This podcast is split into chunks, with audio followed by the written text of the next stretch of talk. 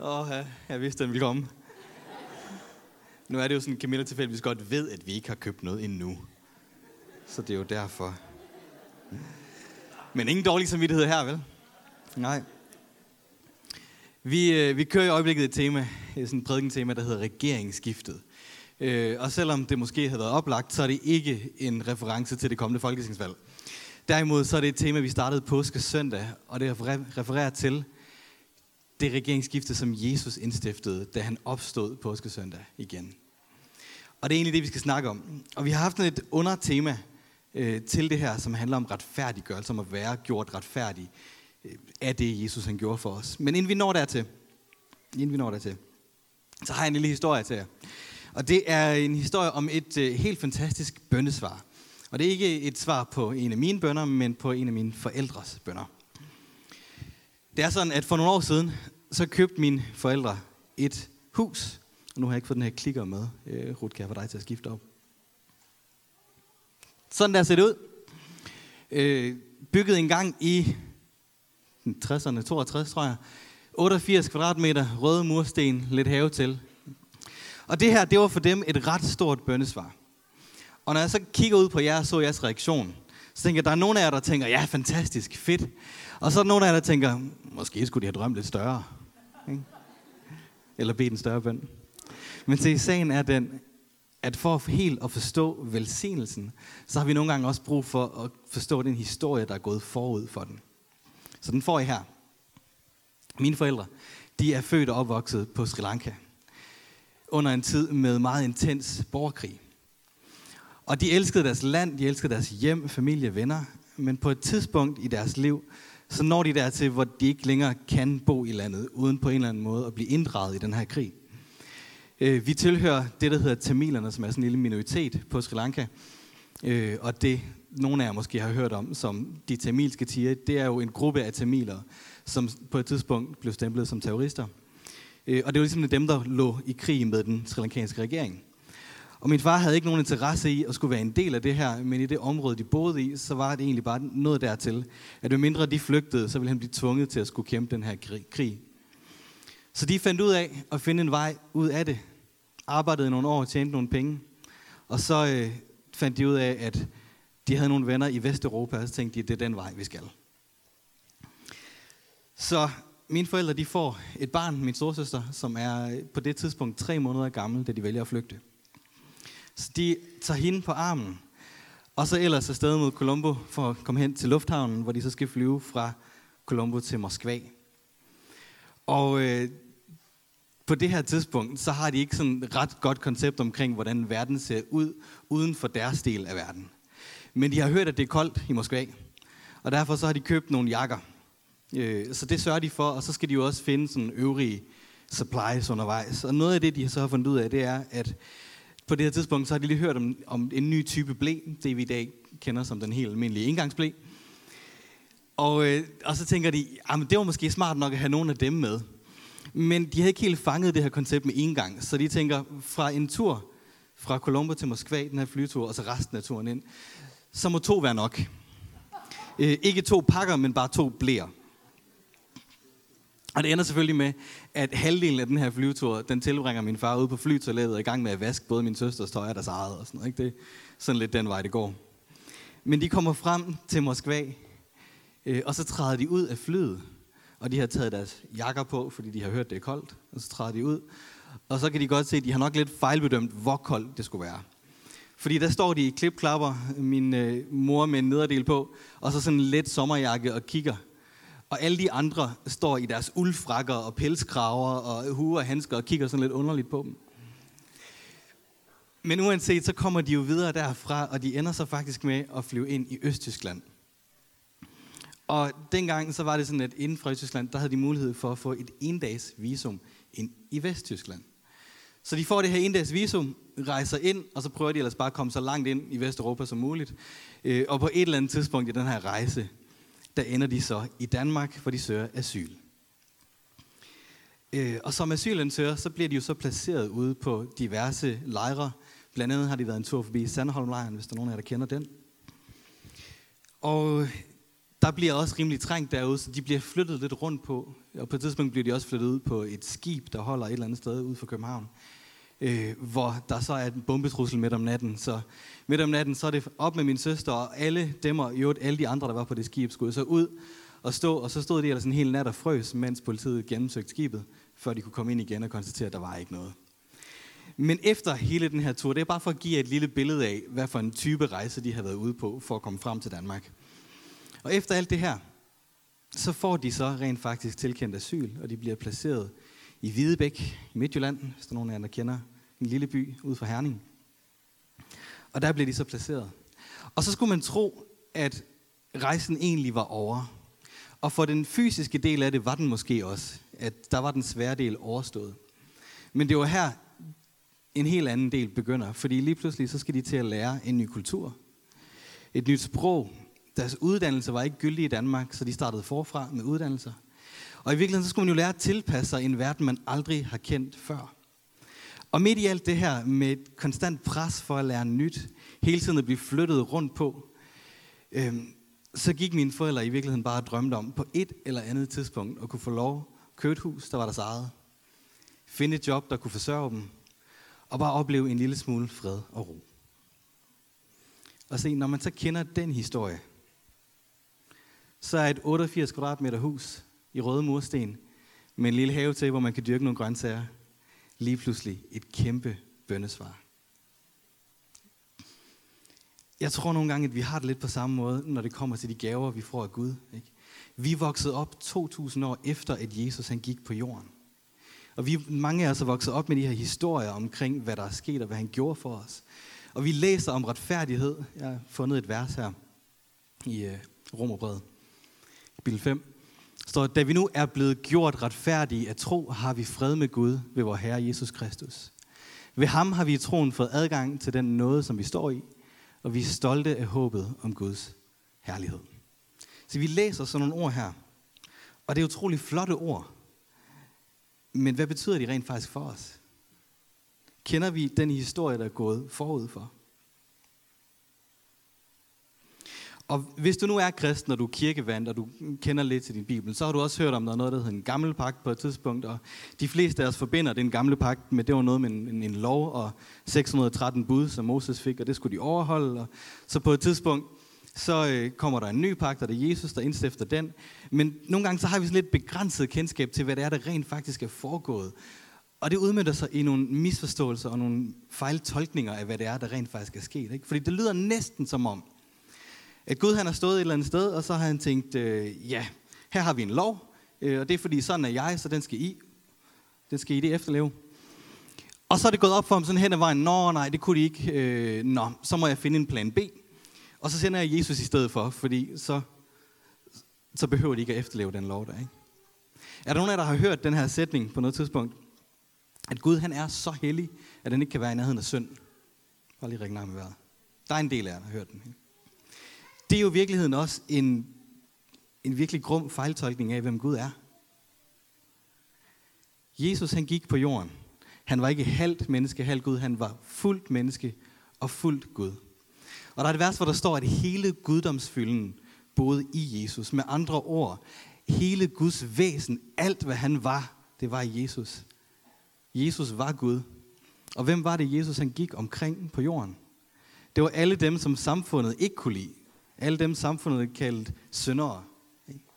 Så hvis Jesus, der var Gud, egentlig helst tilbragte en tid med dem, ingen andre kunne lide, så er der måske en fejlslutning i at sige, at Gud kan ikke være i nærheden af synd. Selvfølgelig kunne han det.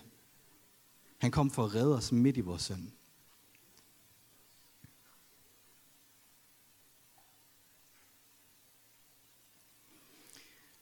Og jeg tror nogle gange, vi overser, at forud for ny pagt, forud for gammel pagt, forud for lov og forud for alt det her, så havde Gud jo faktisk en relation med mennesket længe inden noget af det, det eksisterede. Og når vi ikke forstår vores historie og forstår fortiden, så ender vi nogle gange ud med at misforstå Gud, og vi ender nogle gange med at misforstå, hvem han er, og hvor vi står i forhold til ham. Min øh, datter, Sofia på tre, der lige var oppe og aflevere en gavekort her, hun, øh, vi var hjemme på et tidspunkt, og hun sidder ved vores spisebord og spiser. Og jeg er i et lokale ved siden af. Og så på et tidspunkt, så hører jeg bare sådan en lyd af noget, der falder på gulvet. Vi har sådan nogle klinkegulv derude, og noget, der klirer. Og jeg skynder mig ind til det her spisebord, og så kigger og så får jeg øje på hende, og hun sidder sådan lidt i chok op i den her stol. Og hele vejen rundt omkring hende, der ligger der bare glasgård smuldret omkring, så hun har væltet et eller andet på gulvet. Og hun kigger på mig og får sådan fremstammet et, et, et forsigtigt undskyld, far. Og jeg kigger tilbage på hende, kigger hende ind i øjnene, og så siger, prøv at høre, jeg har fortalt dig tusind gange mindst, at du skal holde op med at lege med det glas der, når du sidder og spiser. Fordi du risikerer at tabe det. Nu har du tabt det. Nu er det faldet på gulvet. Nu er det gået i stykker. Og ved du hvad, hvis du havde gjort, som jeg havde sagt, så var der ikke sket noget. Men nu sidder du der og kan ikke komme ned i din stol uden at træde i glasgård. Og du har selv rodet dig ud i det her, og så må du godt nok også selv rode dig. Du har selv rodet dig ind i det, så må du selv rode dig ud af det. Og så vendte jeg mig om og gik. Okay, hvor sandsynligt lyder det, at det var det, jeg rent faktisk gjorde? Okay. Jeg, kan godt, jeg kan godt mærke på jer, at der var flere, der var i chok undervejs. Ja. Ja. Men prøv at høre, er det ikke nogle gange det, vi beskylder Gud for? Er det ikke sådan, vi ser ham ind imellem? At han har kigget ned på den her jord, og så har han set mennesket, der har ødelagt jorden, og brudt den og syndet. Og så sagt, jamen så har han bare overladt os til os selv. Og sagt, jamen, hvis det er det, I vil, nå, okay. Er det ikke nogen gange, er det ikke nogen gange sådan, vi ser Gud? Og vi ved med vores hjerner, at han er en kærlig Gud. Vi ved, at han elsker os. Men vi lever ikke altid efter det. Ikke? Vi prøver stadig at leve op til ham. Vi prøver stadig og gøre et eller andet. Og hvis jeg nu giver 1000 kroner til nødhjælp, så kan det jo være, at det tæller med i regnskabet omkring, hvordan han ser mig. Ikke? Eller hvis du er kristen, og du tænker, åh, jeg fik ikke lige læst i min bibel i morges. Eller i går morges, eller dagen før det, eller jeg faktisk ikke huske, når jeg sidst åbnede den. Åh, kan jeg vide, hvad Gud tænker om det? Og sidst jeg bad, det var nok for et halvt år siden, øh, da jeg havde den her livskrise. Kan jeg vide, hvor jeg egentlig står i forhold til Gud? Kan jeg vide, Gud, om, om jeg egentlig er okay i dine øjne, på trods af alle mine fejl og alle mine mangler? Skal jeg vide, hvor jeg rent faktisk står i forhold til dig? Hvis der er nogen af jer, der stadig er i tvivl, jeg gik hen, farede glasset til side, tog min datter og løftede hende væk derfra. Ikke? Bare lige. Det her det bliver optaget, så jeg skal ikke have, øh, have det siddende på mig.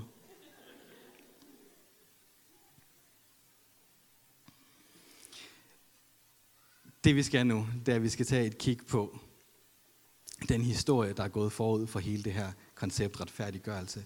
At vi retfærdiggør det tro og ikke gerninger. Og øh, mens jeg forberedte mig til den her prædiken, så, øh, så fandt jeg ud af, at jeg, jeg har sådan et lidt et overordnet kendskab til øvrige verdensreligioner, men ikke ret dybtegående. Øh, og det jeg fandt ud af her undervejs, det er, at tre sådan ret af de større religioner, kristendom, islam og jødedom, faktisk starter det samme sted.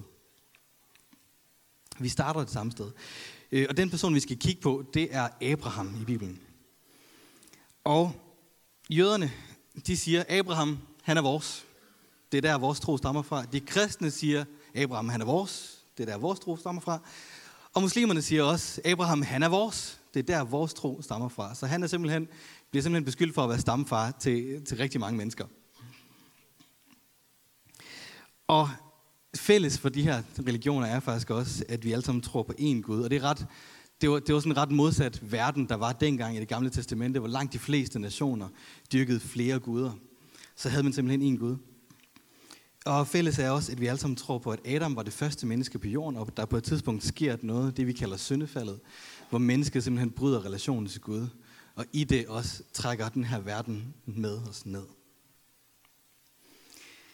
Men Abraham er både noget, vi har til fælles, og så er det faktisk også der, at vores veje skilles.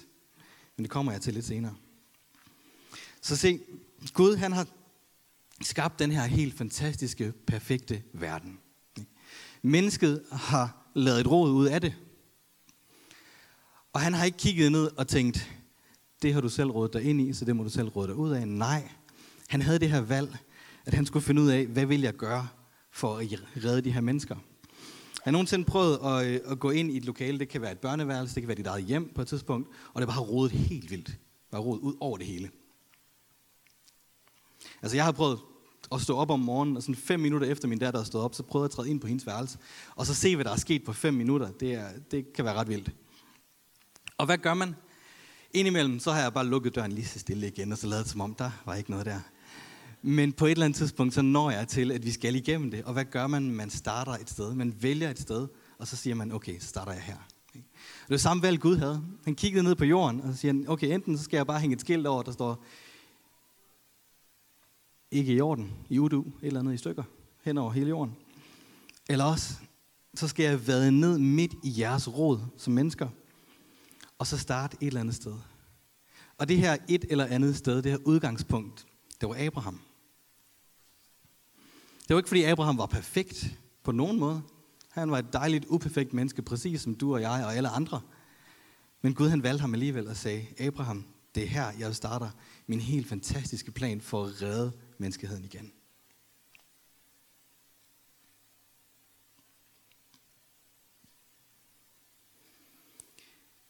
I 1. Mosebog, kapitel 12, der starter beretningen om, at Gud taler til Abraham og kalder ham ud af det land, han er i. Så lad os læse det.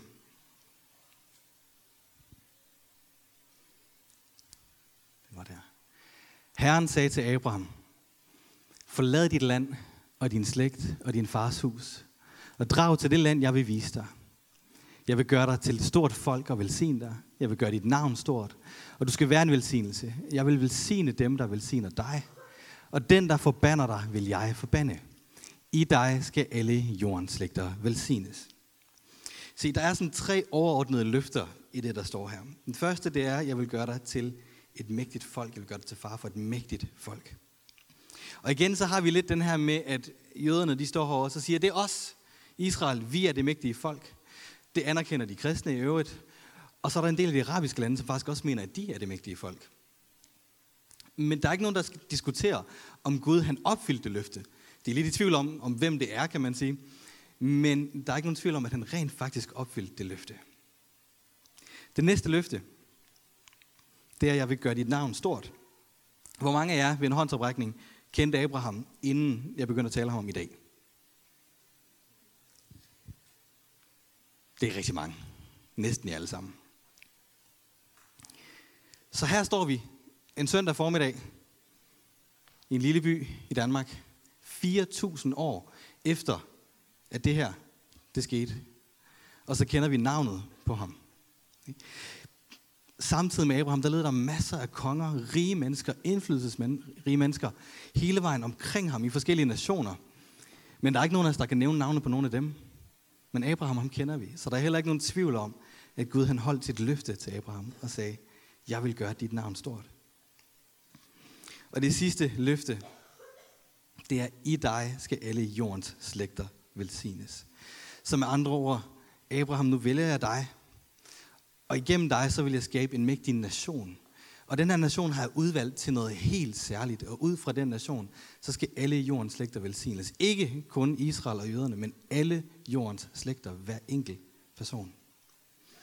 Og som kristne, så er det, vi tror på, jo selvfølgelig, at det, der kom ud af Israel, det var Jesus Kristus, som kom ikke kun for jøderne, ikke kun for Israel, men for hver og en af os.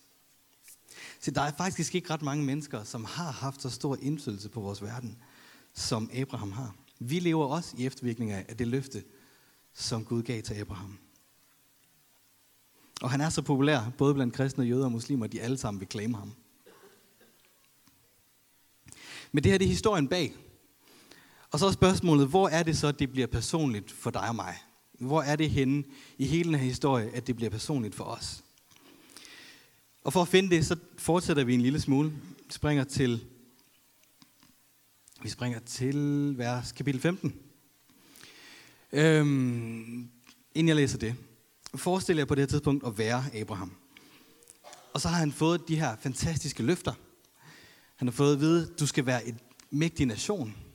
Og Abraham han er ved at være gammel, og han har i øvrigt ikke nogen børn. Og han undrede sig over, hvordan i alverden skal jeg blive til en mægtig nation uden børn?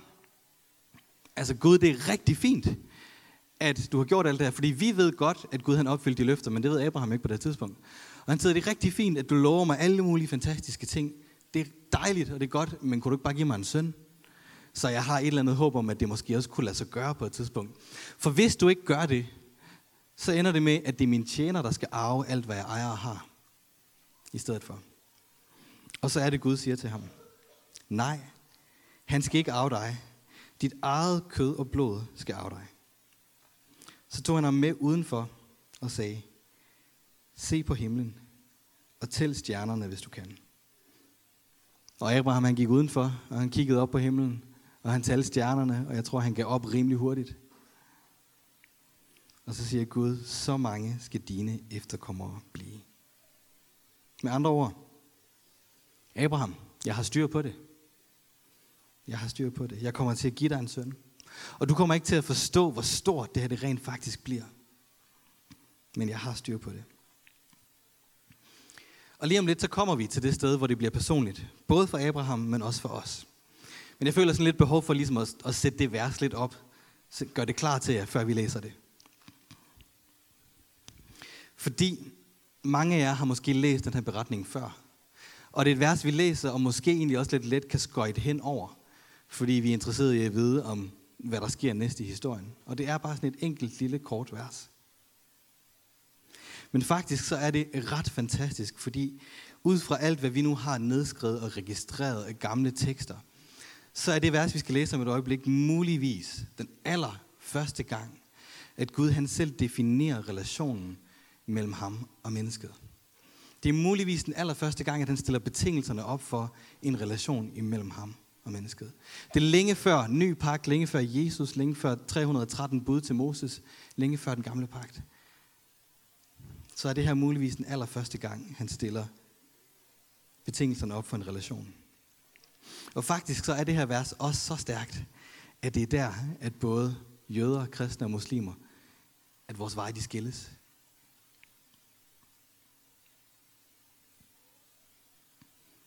I klar til at høre det? Jeg føler selv, at jeg har talt det godt op, ikke? men I er meget stille. Vi tager næste vers. Abraham troede Herren, og han regnede ham det til retfærdighed. Er det ikke fantastisk? Abraham troede Herren, og han regnede ham det til retfærdighed. Længe før gammel pagt, længe før ny pagt, længe før lov, længe før man skulle noget som helst. Abraham troede Herren, og han regnede ham det til retfærdighed. Gud siger, fordi du valgte at have tillid til mig, fordi du valgte at tro på det, jeg lovede dig, så regner jeg dig for at være retfærdig. Jeg er godt klar over, at du ikke er noget perfekt menneske. Så Abraham havde på et tidspunkt en øh, lidt uheldig situation, læser vi om, hvor han rejser ind sammen med sin kone ind i Ægypten. Og hans kone, står der, så ret godt ud. Så Abraham han er rimelig bekymret over, at de skal komme og slå ham ihjel, så de kan få hans kone. Og da Farao så kommer og spørger, så siger han, øh, nej, nej, det er ikke min kone, det er bare min søster. Når vil du gerne have hende? Ja, ja, værsgo, ikke? Følg du bare med. Så bange var han. Det er altså den verden, vi kigger ned på. Prøv at høre, det her det var en verden, hvor jamen, vi tror, vi kender uretfærdighed i dag, men prøv at høre, der fandtes ikke lov og civiliseret samfund. Hvis man ville have noget, så tog man det. Hvis man ville have nogen, så tog man dem. Mor og kidnapning og sådan noget, det var hverdagskost. Det er det desværre også i dele af vores verden i dag. Men det er jo så den her verden, han lever i, og Abraham han er bange. Han tænker, jeg bliver slået ihjel. Ikke? Gud sørger så senere for, det kan I selv læse om på et tidspunkt, men han sørger så for, at han får sin kone tilbage igen. Men Abraham var ikke på nogen måde perfekt overhovedet, og alligevel så står der, at Gud regnede ham som værende retfærdig. Og Gud var udmærket klar over, at han ville komme til at begå masser af fejl, også i fremtiden. Og alligevel så står der, at han regnede ham som værende retfærdig. Og hvis du er i tvivl om, hvorvidt det her det gælder dig, så fortæller Paulus om det senere på et tidspunkt i Romerbrevet kapitel 4, hvor han faktisk netop hiver fat i det her vers, og fortæller, at det ikke kun var for Abraham, men det var for dig og mig også. Men i tiden efter, så missede folk desværre lidt pointen. Så jøderne, de sagde, grund til, at vi er en del af Guds folk, grund til, at vi er Guds børn, det er fordi, vi er efterkommere ikke? af Abraham. Så de sagde, bare simpelthen fordi vi er efterkommere af ham, så er vi ret stillet over for Gud i nogen grad. Og det nåede faktisk så vidt, at da Jesus så kom, så kiggede de på ham og så sagde, vi har ikke brug for dig. Hvad skal vi bruge dig til? Fordi vi er efterkommere af Abraham. Og hvis der er andre, der vil være en del af den familie, andre, der vil være en del af vores Gud, jamen hvad er det så, de skal gøre? De skal konvertere til jødedommen. De skal leve efter vores skikke. De skal følge vores regler. De skal følge vores bud. Det er sådan, man stiller sig retfærdigt over for Gud.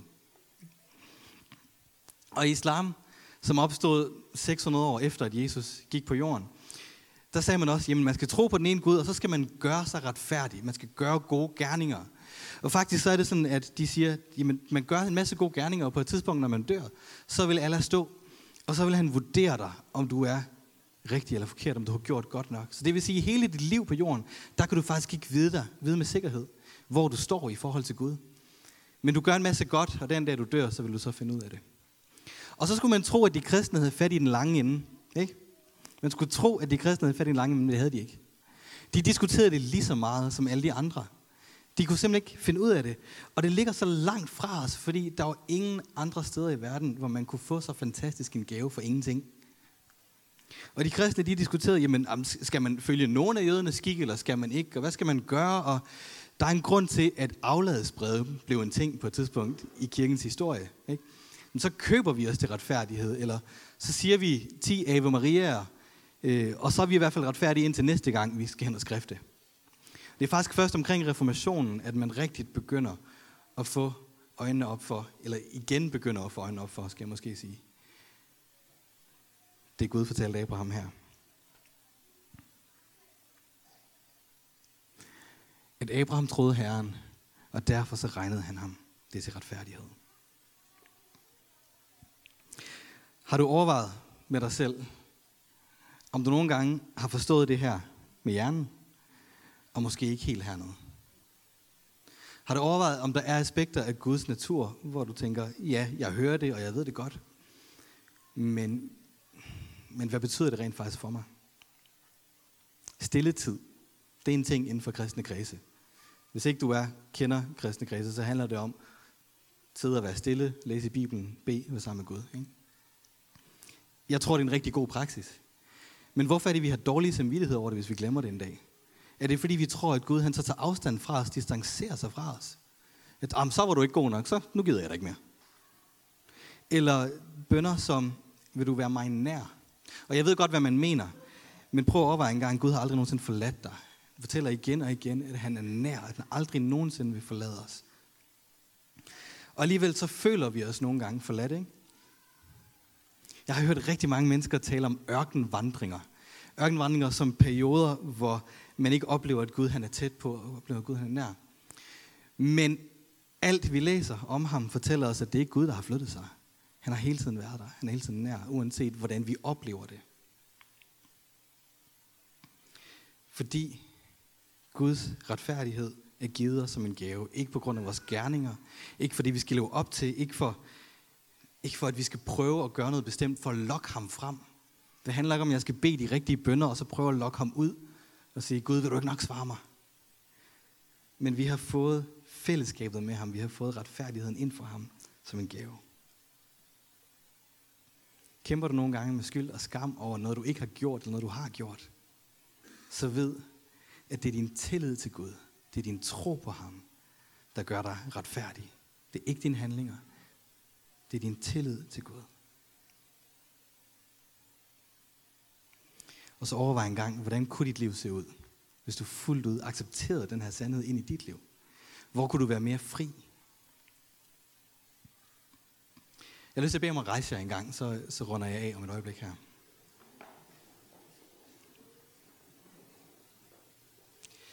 Og måske har du fuldt ud styr på det her, men jeg har jo den påstand, at det har du ikke, for det har ingen af os.